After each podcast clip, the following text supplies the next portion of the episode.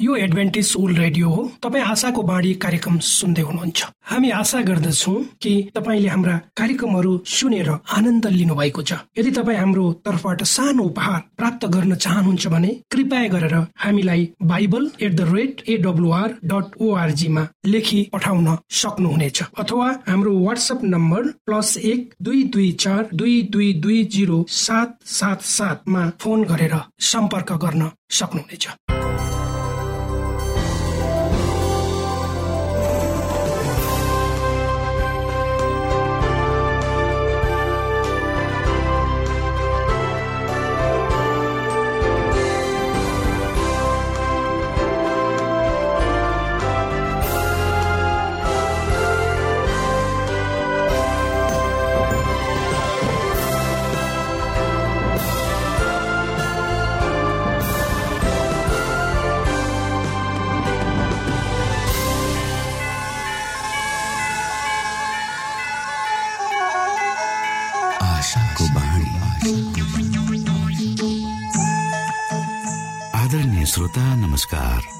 समय तपाईँ Adventist world रेडियोको प्रस्तुति भोइस अफ होप आशाको बाणी कार्यक्रम सुन्दै हुनुहुन्छ। कार्यक्रम प्रस्तुता म रवि यो समय तपाईँको साथमा छु। आशाका सन्देश सहित प्रेम र विश्वासको सन्देश सहित आशाको बाणी कार्यक्रम रेडियोको तरङ्ग मार्फत तपाईँको सामु आइपुगेको छ। आजको कार्यक्रमले तपाईँको जीवनमा नयाँ सन्देश पुर्याउन सकेकै होस्। हाम्रो शुभेच्छा तपाईँको निम्ति यही रहनेछ। दैनिक यसलाई सुन्ने गर्नुहोस् र आफूलाई चाहिने प्रकारको आशिष र अगुवाई अवश्य यहाँले लिन सक्नुहुनेछ भनेर हामीले आशा लिएका छौँ। आउनुहोस्। आजको कार्यक्रमलाई पनि हामी एउटा मधुर भजन सहित अगाडि बढाउँ।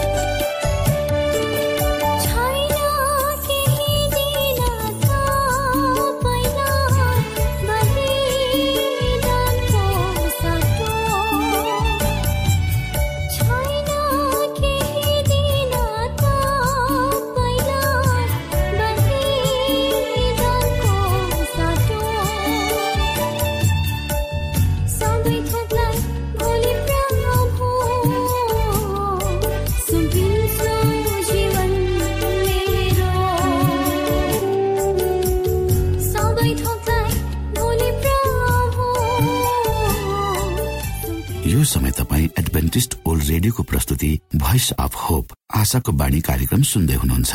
श्रोता मित्र यो समय हामी पास्टर उमेश पोखरेलबाट आजको बाइबल सन्देश सुन्नेछौ। श्रोता साथी न्यानो क्रिस्टी अभिवादन। म पास्टर उमेश पोखरेल परमेश्वरको वचन लिएर तपाईँहरूको सामु उपस्थित भएको छु। आउनुहोस् आजको यो आत्मिकी रेडियो यात्रालाई अगाडि बढाउनुभन्दा पहिले हामी परमेश्वरमा अगुवाईको लागि बिन्ती राख्छौँ। जीवी जिउँदो महान दयालु परमेश्वर। प्रभु यीशु हामी धन्यवादी छौँ रेडियो कार्यक्रमको लागि प्रभु यो कार्यक्रमलाई म तपाईँको हातमा राख्दछु। यसलाई तपाईँको राज्य महिमाको प्रचारको खातिर यो देश र सारा संसारभरि प्रयोग गर्नुहोस् सबै बिन्ती प्रभु यीशुको नाममा। आमेन। श्रोता साथी आजको प्रस्तुतिमा म मानिस परमेश्वरको हातको सिप भन्ने विषय लिएर तपाईँहरूको सामु उपस्थित भएको छु र त्यसैको सेरोफेरोमा रहेर आजको यो वचनलाई म अगाडि बढाउँदछु। उन्नाइसौँ शताब्दीका एक ठुला दार्शनिक थिए र उनी एक दिन गहिरो सोचमा परेका हुन्छन्।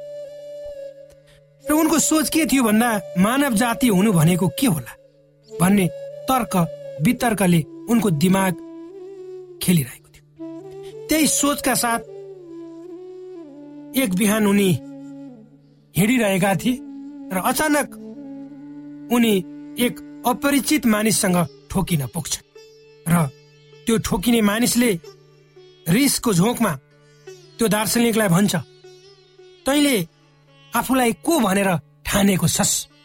दार्शनिकले भन्छन् म को मलाई नै थाहा छैन। तर थाहा पाउन पाए हुन्थ्यो। आज यो प्रश्न धेरै मानिसहरूको मनमा उब्जिएको छ र धेरै मानिसहरूको चिन्तनको विषय भएको छ। म को हुँ? हामी मानिस जाति भएकोले हामी के हौ? जगतको समुद्रको बालुवाका कण जस्ता यस पृथ्वीमा हामी के गरिरहेका छौँ? यहाँ हामी कसरी जन्मिन पुग्यौँ र किन आयौँ? यी जिज्ञासाहरूको उत्तर मानिसले धेरै समय अघिदेखि नखोजेको होइन। तर त्यसको विषयमा स्पष्ट जवाब अझसम्म धेरै मानिसले पाएका छैनन् जो संसारमा भौतिक रूपमा छैनन्।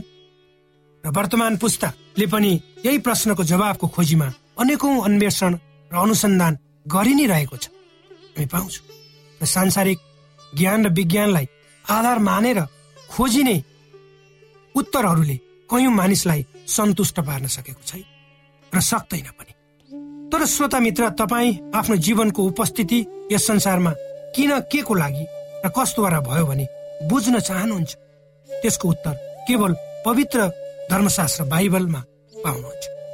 मानव जाति र सृष्टिको बीचमा अति निकट सम्बन्ध भएकोले नै मानिसमा उब्जिएका प्रश्नको जवाब पनि बाइबल धर्मशास्त्रले नै दिन सक्छ।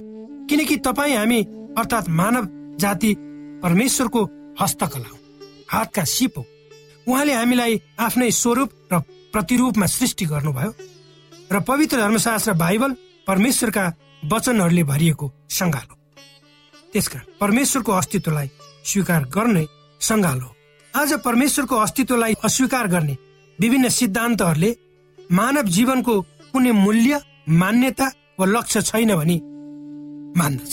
अर्थात् हामी व्यवस्थित वा सुनिश्चित तरिकाले संसारमा आएका होइनौँ तर अचानक हाम्रो उत्पत्ति कतैबाट भएको हो भन्ने कुरामा परमेश्वरलाई नमान्ने मानिसहरूले विश्वास गर्दछ तर यस संसारमा तपाईँ र मेरो उपस्थिति परमेश्वरको योजना र व्यवस्था अनुसार भएको हो भन्ने कुरा पवित्र धर्मशास्त्र बाइबलले प्रमाणित गर्दछ।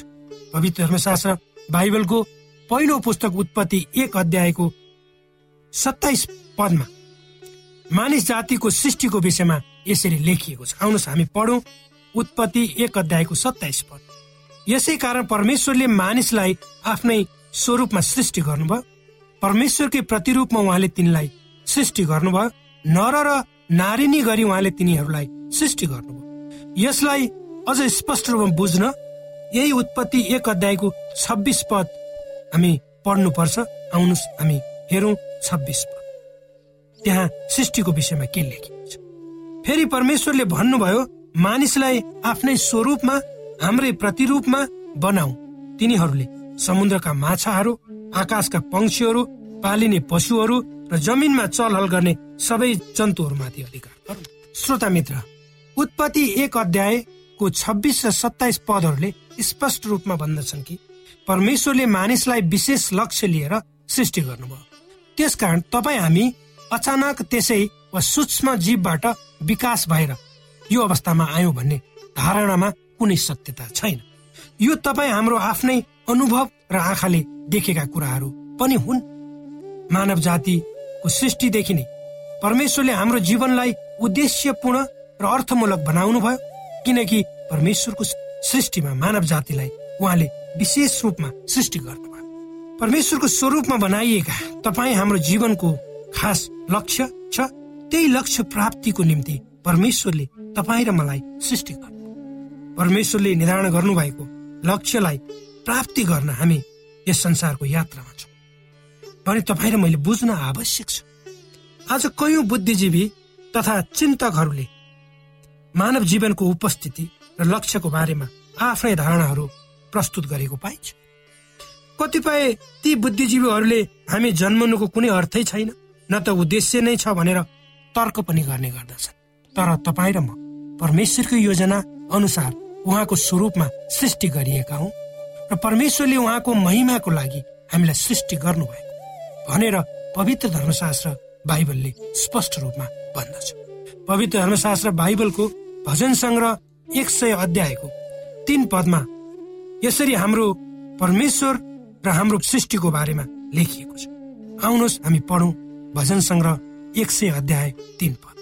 परम प्रभु नै परमेश्वर हुनुहुन्छ भनी जान उहाँले नै हामीलाई बनाउनु भयो र हामी उहाँकै हौ। हामी उहाँका प्रजा र उहाँको खर्कका बेडाहरू यी पदहरूले स्पष्ट रूपमा परमेश्वरले तपाईँ र मलाई बनाउनु भयो र उहाँ हाम्रो प्रभु अर्थात् स्वामी हुनुहुन्छ भनी भन्दछ श्रोता मित्र तपाईँ र म परमेश्वरका हातका सिप अर्थात् उहाँका सृष्टि हौ यो कुरालाई मनन गरौँ। तपाईँ र ममा कति कमजोरीहरू होलान् तापनि तपाईँ र म कुनै तल्लो स्तरको जनावरबाट विकसित हुँदै यो अवस्थामा वा मानिस भएका होइनौ। तर हामी त परमेश्वरकै हातबाट सृष्टि भएका हौ भन्ने विश्वासले तपाईँ र मेरो जीवनको मूल्यलाई कसरी गरिमा भए बनाउँछ हाम्रा आदिम पिता एवं माता रगत र मासुले बनेका थिए तापनि उनीहरू परमेश्वरका स्वरूपमा थिए। हामी उनीहरूका सन्तान हौ र हाम्रो सृष्टि कुनै बाँदरको स्वरूपमा नभए परमेश्वरको स्वरूपमा भएको भन्ने ज्ञानले हामी विशेष जाति हौ भन्ने कुरालाई प्रमाणित गर्दछ। र त्यसले तपाईँ हामी बहुमूल्य जीव हौ भनेर सिकाउँछ पनि। पवित्र धर्मशास्त्र बाइबलको उत्पत्ति एक अध्यायको छब्बिस पद फेरि हामी पढौँ जुन पदले परमेश्वरले हामीलाई सृष्टि गर्नुभयो भनेर स्पष्ट बनाउँछ। उहाँले आफ्नै स्वरूपमा सृष्टि मात्र गर्नु भएन तर हाम्रो काम के हो भने स्पष्ट पनि पारिदिनु। अब तपाईँ हामी परमेश्वरको स्वभाव लिएर सृष्टि भएका जाति भएको कारण। हामीले हाम्रो जीवनलाई उद्देश्य एवं अर्थमूलक ढङ्गले परमेश्वरको इच्छालाई सफल बनाउन अगाडि बढाउनु पर्छ न कि व्यर्थमा जीवनका अमूल्य पलहरूलाई बिताउने होइन। परमेश्वरले तपाईँ र मलाई सुम्पिने भएको जिम्मेवारीलाई हामीले बुझ्नुपर्छ त्यसप्रति संवेदनशील हुन आवश्यक छ। र उहाँले गर्नुभएका सम्पूर्ण सृष्टिहरू मानिसको संरक्षणमा छोड्नुभयो। र उहाँले आफ्नो लक्ष्यलाई पूरा गर्नको लागि तपाईँ र मलाई अर्थात् मानव जातिलाई विभिन्न वरदानहरूले सुसज्जित पार्नु भएको छ। र तपाईँ र ममा भएका शारीरिक बौद्धिक आत्मिक र सामाजिक वरदानहरू मानव हित र परमेश्वरको महिमाको निम्ति हामीले प्रयोग गर्नुपर्छ भन्ने परमेश्वरको सदिच्छा हो र हाम्रो कर्तव्य पनि हो परमेश्वरको स्वभाव र चरित्र कस्तो छ भन्ने कुरा परमेश्वरका सृष्टिहरूबाट स्पष्ट हुन्छन्। यदि हामी प्रकृतिलाई हेर्यौँ भने कसरी प्रकृतिका चक्रहरूले निरन्तर रूपमा परमेश्वरको प्रेम दया र लाई प्रकट गर्दछ? के तपाईँले कहिले यस विषयमा सोच्नु भएको छ त? यदि छ भने निश्चय नै तपाईँ सही बाटोतिर अगाडि बढ्दै हुनुहुन्छ। यदि छैन भने कृपया गरेर प्रकृतिसँग वार्तालाप गर्नुहोस् समय बिताउनुहोस्। तपाईँ र हाम्रा अगाडि भएका खोला नाला झरना तिनीहरूको कलकल आवाज निश्चलपन रुख बिरुवा चराचुरुङ्गी अनि तिनीहरूले व्यक्त गरेका परमेश्वरको प्रेमलाई हामीले कहिले गम्भीर भएर सुन्ने र बुझ्ने कोसिस गरेका छौँ त। यदि छैन भने गरौँ। तिनीहरूले पनि हामीलाई परमेश्वरतर्फ नजिक्याउँछन् र परमेश्वरलाई चिन्ने अवसर हामीलाई प्रदान गर्दछ दुर्भाग्यवश आज अधिकांश मानिसहरूले परमेश्वरको सुन्दरता स्वच्छन्दता प्रेम दया र त्यागलाई बुझ्ने कोसिस नगरेको देखिन्छ र कतिले त बुझेर पनि नबुझे चाहिँ गरी आफूलाई सांसारिकपनमा भिजाउन वा व्यस्त बनाउन लागि परेको हामीले देखेकै छौँ र भोगेका पनि छौँ।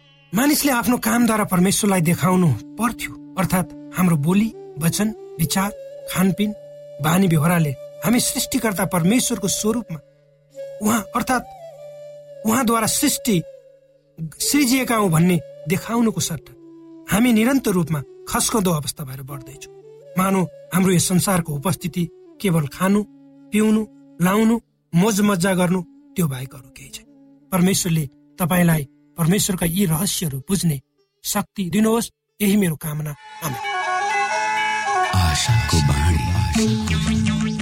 श्रोता भर्खरै यहाँले पास्टर उमेश पोखरेलबाट बाइबल वचन सुन्नुभयो। यो समय तपाईँ एडभेन्टिस्ट ओल्ड रेडियोको प्रस्तुति भोइस अफ होप आशाको बाणी कार्यक्रम सुन्दै हुनुहुन्छ। कार्यक्रम सुनेर बस्नुहुने सबै श्रोतालाई हामी हाम्रो कार्यक्रममा स्वागत गर्न चाहन्छौ। श्रोता मित्र यदि तपाईँ जीवनदेखि हरेस खानु भएको छ तपाईँका जीवनमा धेरै अनुत्तरित प्रश्नहरू छन् भने आउनुहोस् हामी तपाईँलाई परमेश्वरको ज्योतिमा डोहोर्याउन चाहन्छौँ। र तपाईँ आफ्नो जीवनका चिन्ता फिक्रीबाट निश्चिन्त हुनुहोस् र बाँच्नुको आनन्द परमेश्वरको सामिप्यमा कति मिठो हुन्छ त्यो चाख्नुहोस् भनी हामी चाहन्छौँ। श्रोता यदि तपाईँ आशाको बाणी कार्यक्रमलाई अनलाइन सुन्न चाहनुहुन्छ वा डाउनलोड गर्न चाहनुहुन्छ भने डट डट ओआरजीमा जानुहोस्। त्यहाँ तपाईँले प्रत्येक दिनको कार्यक्रम सुन्न र डाउनलोड गर्न सक्नुहुनेछ। हाम्रो वेब पेज यस प्रकार छ www.awr.org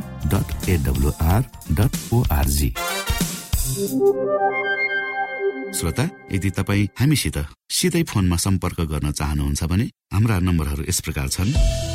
अन्ठानब्बे एकसाठी पचपन्न शून्य एक सय बिस। अन्ठानब्बे एकसाठी पचपन्न शून्य एक सय बिस। र अर्को अन्ठानब्बे अठार त्रिपन्न पन्चानब्बे पचपन्न। अन्ठानब्बे अठार त्रिपन्न पन्चानब्बे पचपन्न। यो आशाको बाणी रेडियो कार्यक्रम हो। म प्रस्तुता धनलाल राई। यहाँहरूलाई यस कार्यक्रममा न्यानो स्वागत गर्दछु। उद्देश्य प्रेरित पुनर्जन्म देश देशभरका आत्म परिवर्तित कथाहरूमा आजको कथा परमेश्वरको तिर्खा मरिया सिसिला फ्रेयर उरुग्वे दक्षिण अमेरिका। जब उनको श्रीमानले उनलाई छोडेर गए तब सिसिलिया अत्यन्तै विचलित भइन्। वर्ष तिस्की सिसिलियाको गर्भाशयमा क्यान्सर भएको थियो। उनी अत्यन्तै पीडामा थिइन्। आफ्नो पीडा बढेर गएकोले श्रीमानले छोडेको होलान् भनेर उनले सोचिन्। उनको श्रीमानलाई उनले महिनौसम्म छुन पनि पाएकी थिएनन्। तर उनको आमाले अर्कै सोचेकी थिइन्। आफ्नो छोरीले सेभेन्थ डे एडभान्टेज चर्चमा समावेश हुने निर्णय गरेकीले आफ्नो ज्वाइँले छोरीलाई छाडेका आरोप उनले लगाएकी थिइन्। धेरै वर्ष अघि सिसिलियाको घर रहेको उरुग्वेको मर्सिदिज गाउँमा सेभेन्थ एडभान्टेज चर्चले सुसमाचार प्रचार गरेको थियो। त्यस बेला उनले त्यस चर्चमा बत्तिसमा लिएकी थिइन्। बत्तिसमा लिएपछि सिसिलिया आफ्नो श्रीमानसँग रमझम गर्न पार्टीहरूमा गएनन्। र उनले जाँड रक्सी पनि खान छोडे। तिमीले सेभेन डे एडभेन्चिज चर्चमा जान थालेकोले तिमीले तिम्रो श्रीमानलाई गुमायो आमाले सिसिलियालाई भने। भाग्यमा सिसिलियालाई शल्यक्रियाद्वारा उपचार गरियो र उनमा भएको क्यान्सरको भागलाई हटाइयो। तर उनी चर्चमा जान छोडिनन्। उनी अरूकै घरमा काम गर्थिन्। तीनवटा छोराछोरीहरूलाई हुर्काउनु परेकोले उनले काम नगरी पुग्दैन थियो। काममा शनिबार पनि जानुपर्ने भएकोले उनले सावत पालना गर्न सकिनन्। धेरै वर्षपछि उनका छोराछोरीहरू हुर्केर विवाह पनि गरे। तर सिसिलियालाई आफ्नो श्रीमानले छोडेर गएकोले उनको चित्त फाटिरहेको थियो। जब उनकी आमाको मृत्यु भयो तब उनले जोनलाई अझै तितो मान्न थाले। अनि उनी उरुग्वेको राजधानी मन्टी भिडियोमा आफ्नी जेठी छोरी ज्वाइँ र तीनजना नाति नातिनाहरूसँग बस्न गइन्। त्यसै बेला उनी परमेश्वरको बारेमा सोच्न थालिन् र घरको नजिक सेभेन एडभान्टेज चर्च भएको भए हुन्थ्यो भनेर सोच्न थालिन्। जसरी तसरी स्थानीय एडभान्टेज चर्चले सञ्चालन गरेको आशाको बाढी रेडियो कार्यक्रम सुन्न थालिन्। मैले यो कार्यक्रम कसरी सुन्न पाएँ मलाई थाहा छैन। यो परमेश्वरका हातमा थियो कि मैले यो रेडियो कार्यक्रम सुन्न पुगेँ। खुसी भएर सिसिलियाले भनिन् एक दिन रेडियो सुनिरहेकै बेलामा उनको घरको नजिकैको टोलमा एडभेन्टिज चर्च रहेको थाहा पाए। उनी गोज सेभेन एडभेन्टिज चर्चमा जनवरी एक सन् दुई हजार सत्रमा हिँडेर गइन्। त्यो चर्च औपचारिक रूपमा भर्खर खोलिएको थियो। उनले परमेश्वरसँग नयाँ वर्षमा नयाँ जीवनबाट सुरु गर्न चाहेकी थिइन्। उनले तुरुन्तै बत्तिसमा लिन चाहेकी थिइन्। तर पास्टरले बाइबलको ज्ञानमा फेरि ताजा हुन सल्लाह दिए। त्यसको पाँच महिनापछि अर्थात् मे अठारमा उनले बत्तिसमा लिइन् त्यस दिनदेखि म धेरै खुसी छु। परमेश्वरले मेरो जीवनलाई परिवर्तन गर्नुभयो। मेरो जीवनबाट तितोपना र पीडा उहाँले हटाउनु भयो सिसिलियाले आफ्नो खुसी व्यक्त गर्दै भने परमेश्वरले उनको जीवनमा तितोपना हटाइरहनु भएको छ भनेर उनलाई थाहा भयो र उनी मुस्कराउन थाले। चर्चका सदस्यहरूले पनि उनी खुसी भएको देख्न थालेका थिए। तिमी आजभोलि हँसिलो देखिन्छौ नि। हो म धेरै खुसी छु उनले जवाब दिइन् चर्चमा फर्केपछि सिसिलियाले आफ्नी छोरी र ज्वाइँको निम्ति प्रार्थना गर्न थाले। तिनीहरूले पनि यसुलाई विश्वास गरून् भन्ने उनले चाहेकी थिइन्। जब उनी प्रार्थना गर्न थाले तब चर्चको एकजना मानिस मिसिनेरी विश्वासीले अङ्ग्रेजी राम्रोसँग बोलेको थाहा पाइन्। उनी ब्राजिलका थिए सिसिलियाको ज्वाइँ घर तथा भवनहरूको नक्सा बनाउँथ्यो। उसले अङ्ग्रेजी सिक्न चाहेको थियो ताकि उसले बाहिर देशमा गएर काम गर्न सकोस् तर उसलाई अङ्ग्रेजी थाहा थिएन। त्यस ब्राजिलियन मिसिनेरीको अनुमतिले सिसिलियाले आफ्नो ज्वाइँलाई आफूले चर्च जाँदा अङ्ग्रेजी सिकाउने शिक्षा भेटाएको भनेर भनिन्। यो तरिकाले मैले ज्वाइँलाई चर्चमा सम्पर्क गर्न लगाएँ। उनले चर्चको पास्टरसँग र अरूसँग मित्रता कायम गरे र चर्चको क्रियाकलापमा उनले पनि भाग लिन थाले सिसिलियाले भनिन्।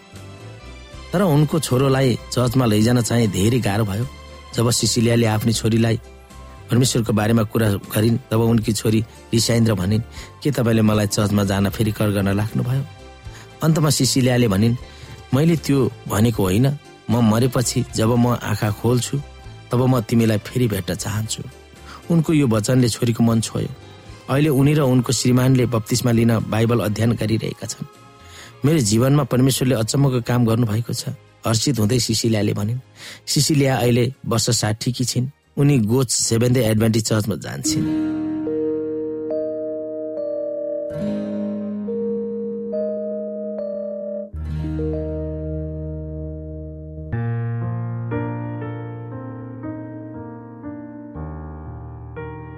आदरणीय मित्र बाइबलले बताएको छ परमेश्वरले तिर्खाकाहरूलाई तृप्त पार्नुहुन्छ र भोकालाई उत्तम पदार्थले सन्तुष्ट पार्नुहुन्छ। हामीलाई दिइएको यो छोटो समय आशाको बाणीको प्रस्तुतिको समयमा हामीले हाम्रा श्रोताको आत्मिक भोकलाई केही मात्रामा भए तापनि सही प्रकारको खोराक पस्केर आत्मिक सन्तुष्टि दिन सकेका छौँ केही ऊर्जा थप्न सकेका छौँ भनेर हामीले आशा राखेका छौँ।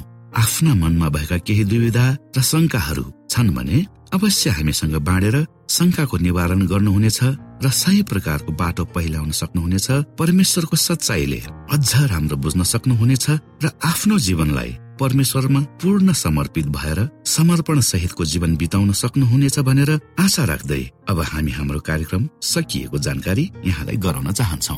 जानुभन्दा अगाडि श्रोता हामी यहाँलाई हाम्रो ठेगानाको विषयमा जानकारी गरौं। हामीसँग पत्राचार गर्ने हाम्रो ठेगाना यस प्रकार छ। आशाको बाणी पोस्ट बक्स नम्बर दुई शून्य शून्य शून्य दुई काठमाडौँ नेपाल। आशाको बाणी पोस्ट बक्स नम्बर दुई शून्य शून्य शून्य दुई काठमाडौँ नेपाल। यसै गरी श्रोता यदि तपाईँ हामीसँग सिधै कुराकानी गर्न चाहनुहुन्छ भने हाम्रो फोन नम्बर यस प्रकार छ अन्ठानब्बे एकसाठी पचपन्न शून्य एक सय बिस। अन्ठानब्बे एकसाठी पचपन्न शून्य एक सय बिस। र अर्को अन्ठानब्बे अठार त्रिपन्न पन्चानब्बे पचपन्न। अन्ठानब्बे अठार त्रिपन्न पन्चानब्बे पचपन्न। हामीलाई इमेल पनि गर्न सक्नुहुन्छ।